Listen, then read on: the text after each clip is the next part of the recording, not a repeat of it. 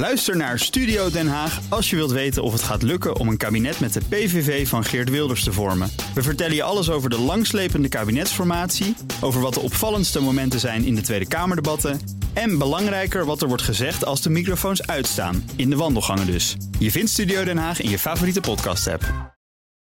Ja, dat is het tijd.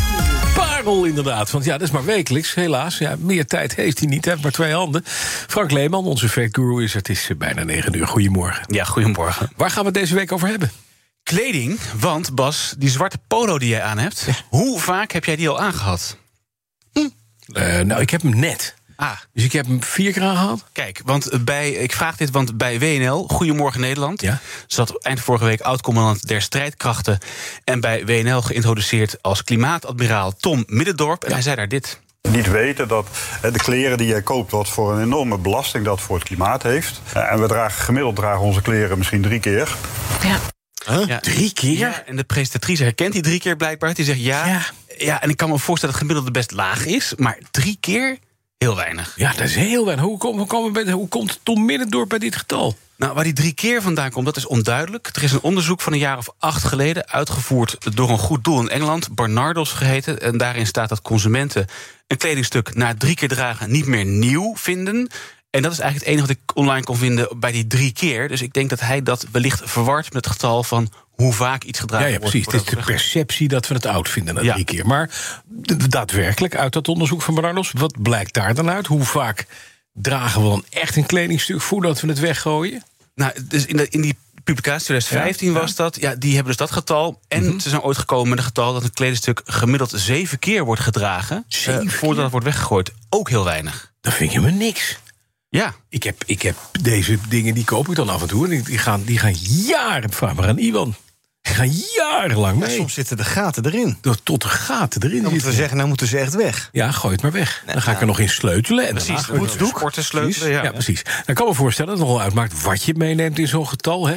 Eh, sokken, onderbroeken, gaan die mee? Want ik weet dat Justin Bieber bijvoorbeeld elke dag zijn onderbroek weggooit. Dat is een vervuiler. Dat is het. Die het hele wereldwijde gemiddelde trekt hij omlaag. Ja. Maar ja, en, en inderdaad, hoe zit het met shirts die je cadeau krijgt? Ja. Weet je wel, bij een sportschoolabonnement of bij een teambuildingmiddag of zo. Zo'n ding met zo'n logo. Ja, precies. Die nooit meer aantrekt. Of een zwembroek in Nederland heb je ook weinig aan. Dat is ook slecht voor je gemiddelde.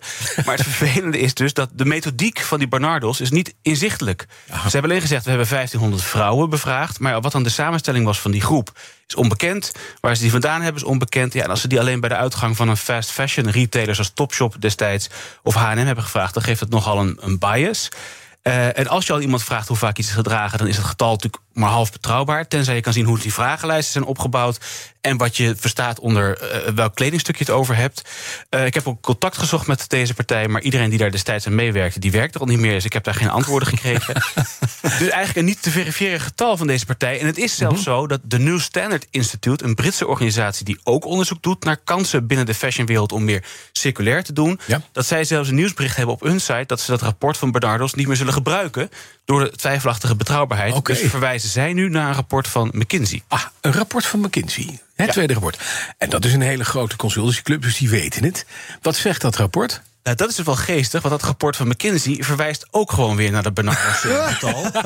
en ja, als je op internet gaat zoeken, eigenlijk iedereen verwijst er al. CNN, The Guardian, ook kleinere recycleblogs, allemaal deze niet wetenschappelijk geverifieerde zeven keer. Wat gek. En zijn er dan geen andere onderzoeken naar hoe vaak we onze onderbroek aantrekken? Nou, het lastige bij al die vraagstukken bij mode, gebruiksgetallen en vervuilingsgetallen is dat die informatie is vaak gebaseerd op oppervlakkige of onbetrouwbare informatie. Getallen uit niet-wetenschappelijke teksten die uiteindelijk slijten en dan maar als waar worden ja, beschouwd. ja, precies.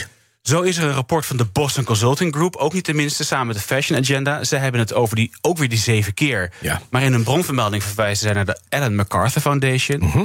Die Ellen MacArthur Foundation heeft twee rapporten. Ja. In de ene hebben ze het over die zeven keer. Dat is dan weer die Bernardos. Dus die beschouwen we dan maar even. eh, die laten we buiten beschouwing. Mhm. Tweede rapport van de Ellen MacArthur Foundation. Eindelijk een ander getal. Hebben ze steeds over 120 keer gemiddeld. Ja, kijk. Met zelfs een uitsplitsing per continent. En de opmerking dat China eerst bijvoorbeeld gemiddeld op 200 keer zat voor een kledingstuk. Maar in 15 jaar gedaald is naar 62 keer. Eh, en als bron citeren zij daar de World Bank en Euromonitor. Oké, nou, dat zijn wel Klinkt wel realistischer al. clubs. En hoe hebben die dat onderzocht? Bij de World Bank kon ik het niet vinden in het desbetreffende rapport. En zij bevestigen per mail dat ze het getal helemaal niet hebben. Het rapport van Euromonitor kost eh 2200 euro om in te zien. Dus dat heb ik niet gedaan. En van dat geld ga ik straks een slangenleren jas eh, kopen. En weggooien na drie Ja, keer? zeker ook. Maar ze, eh, ik heb ze wel een hele lijst met vragen gesteld over die methodologie. Ja. En tegen mijn verwachtingen waren ze heel behulpzaam per mail. Oké. Maar het meest opmerkelijke aan een antwoord was dat hun analist zei dat zij dat getal voor hoe vaak gedragen überhaupt niet onderzoeken. Dus je had bijna 2200 piek uitgegeven voor iets wat je niet een antwoord had En gegeven. alleen maar economische indicatoren bekijken zij naar. Dus dat, ze hebben het Hey. dan niet. Ik vind het wel interessant, want dat is wel een mooie van de World Bank... die zegt, van, je ziet aan de ontwikkeling van de maatschappij... hoe vaak we kledingstukken gaan dragen. Als je armer bent, dan draag je het langer... dan wanneer je rijker wordt. Hè? Dan Ja. gaan we inderdaad die fast fashion dus doen. Maar we kunnen er dus gewoon geen getal plakken, Frank. Niemand heeft het getal. En wel stuurde Euromonitor nog eh, een beetje in lijn van wat jij net zegt... dat wereldwijd de fashionmarkt de afgelopen 14 jaar met 60% gegroeid is. Terwijl de Nederlandse fashionmarkt al die jaren ongeveer gelijk is gebleven. Dus je hebt als van die uit buitenland gekopieerde one-liners... waar dan staat, we kopen allemaal steeds meer kleding. Nou, voor Nederland is dat dus juist niet het Niet zo, geval. nee. Maar ja, voor de factcheck, eh het is niet te checken. Alle rapporten en artikelen die verwijzen allemaal naar elkaar. Dus misschien bedoelen ze dat met circulair. Maar wat wel belangrijk is, is om je goed te beseffen... dat je vaker dan die drie keer of zeven keer... eh, of 120 keer zo'n kledingstuk kunt dragen. Zonder dat het Zeker. oud is. In het ja? geval van ondergoed ook na één keer kan je het wassen. Justin? Ja, precies. Justin Bieber. Ik vind het toch een beetje raar hoor, dat je dat niet doet. Ik vind het goor. Justin, ja, maar ja. Nou, juist niet. Hè? Nee, ja, laat maar. Nee, nee, nou ja, nee, ik, ik- zo'n ding, eh, vers, een onderbroek vers uit de verpakking... zit nooit zo lekker dan wanneer die een paar keer gewassen is. Dan weer een gaten in zitten. Dan zit hij pas echt lekker. Kijk, daar spreken we met een, met een kenner. Dankjewel, Frank Leeman, onze fact guru.